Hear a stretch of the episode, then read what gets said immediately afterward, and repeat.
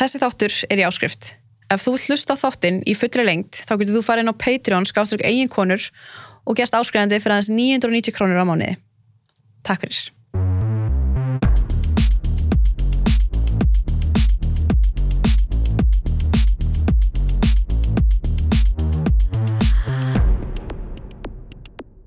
So before we go deeper into the the whole story, We are focusing on the physical abuse. yeah, then we just wanna. Uh, I want to ask you about um, when you got out of the apartment in December, uh, when you filed a charge against uh, Mandi's own restaurant owner, Mandi uh, Hlal, um, after he attacked you in front of his restaurant. Can you tell me a little bit what happened? Like then, how did it happen that he um, attacked you?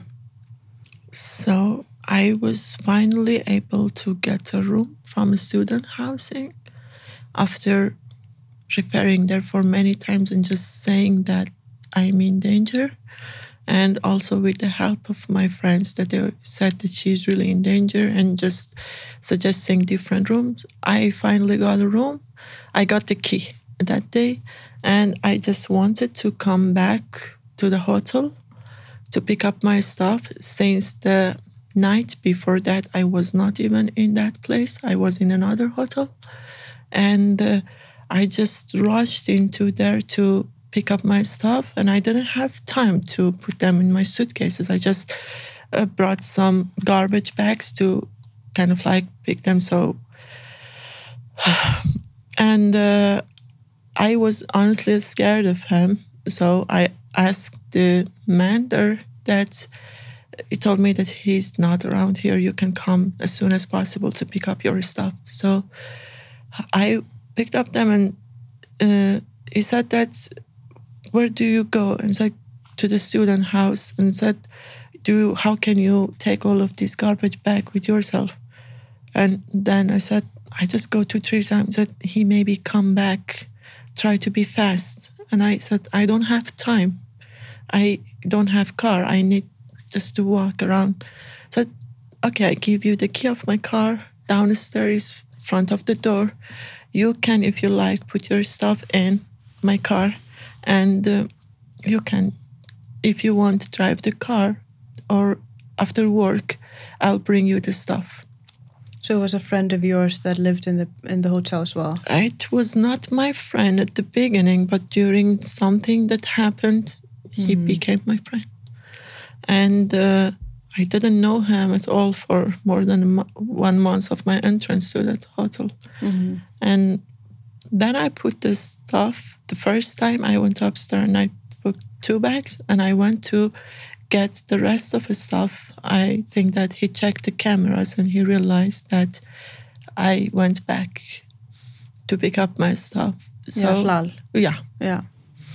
So uh, for the next time, kind of like I went upstairs to pick up the rest and put it in the car front of the entrance door of the building, and he showed up from the Laugavegur street, like in the street in Vínbúðin, and I Oh, yeah, swear yeah. is there. Mm-hmm. And I met him.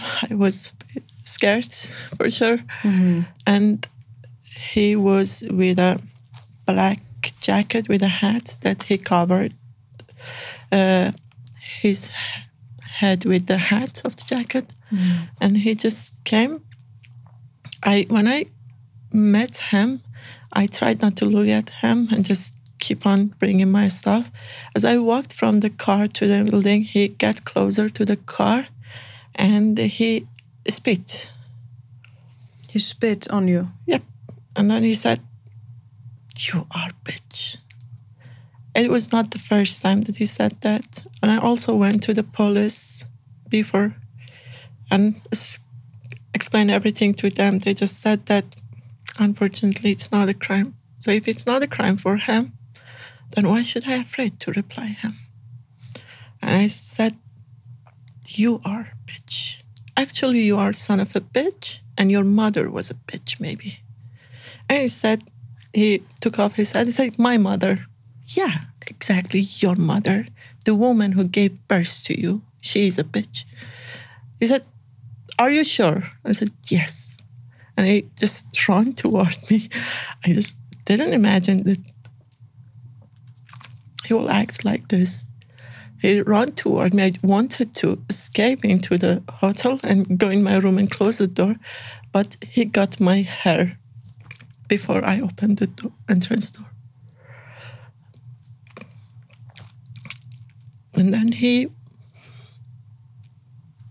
kicked me in the stomach and he got my hand with my head with one hand and with the other hand he just punched into my head mostly into my head and he threw me on the street Yeah, and threw you. in the street. He opened the door, and when I got up, I realized I have no shoes. So I looked around. There was, there usually used to be some people in the patinage in front of that, but there was no one. I was just shouting and just help, help. I remember that that man told me that he's working. Just went, hey, please call the police. There was his employees there. One of them was a Polish boy. Nobody dared to call the police. So they were witnessing this and nobody. They were inside. They didn't witness that. They witnessed that I asked help. Mhm. They didn't witness that he kind of and just I like him.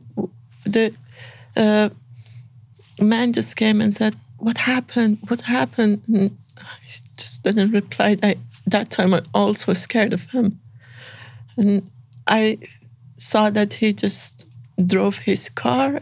He had kind of like. Uh, speech argument as well with the Arab man. Mhm. And he wanted to continue to be hitting me, but he kind of like, separated him. yeah. And I went, ran into my room and I called the police. And I was just kept on talking to them until they arrived. And it was exactly the same police that I asked help 10 days before that happens. And the same uh, officer and the same uh, girl that I asked her the address of the police, and they were both, when they saw me, they just said, I'm sorry. They, I remember you. The police said sorry Yeah, to you yeah. for not helping you before. Yeah. Uh, exactly when the girl came inside the room and she saw me, she said, Oh, I remember you. Because when I went to the police 10 days before, uh, I just didn't know. I just searched on the map and I followed the tracking on the map and I saw a building of the police, but I didn't know where was the, which one was the entrance door. I saw a police girl and I asked, hey, I need help. Uh, where can I go? I really need help. She realized that I'm in Australia. She said, just go the door, the entrance door is behind the building. And when I went there, there was two police officer. Actually, first there was one, and then he called his colleague. And he says, yes, how can I help you? I said, man, I'm just threatened by the owner of a hotel right now. Is that how? Said, he just threatened to kill me right now. And what kind of abusement? I said, I'm harassed by him. I'm abused by him. Verbally, He was threatening you. yeah. That's But did you show, you told the police about it 10 days before the attack? Yeah. And what did the police say? Þessi þáttur er í áskrift. Ef þú hlusta þáttinn í fullri lengt þá getur þú farið inn á Patreon skáströk eigin konur og gerst áskrifandi fyrir aðeins 990 krónur á mánuði. Takk fyrir.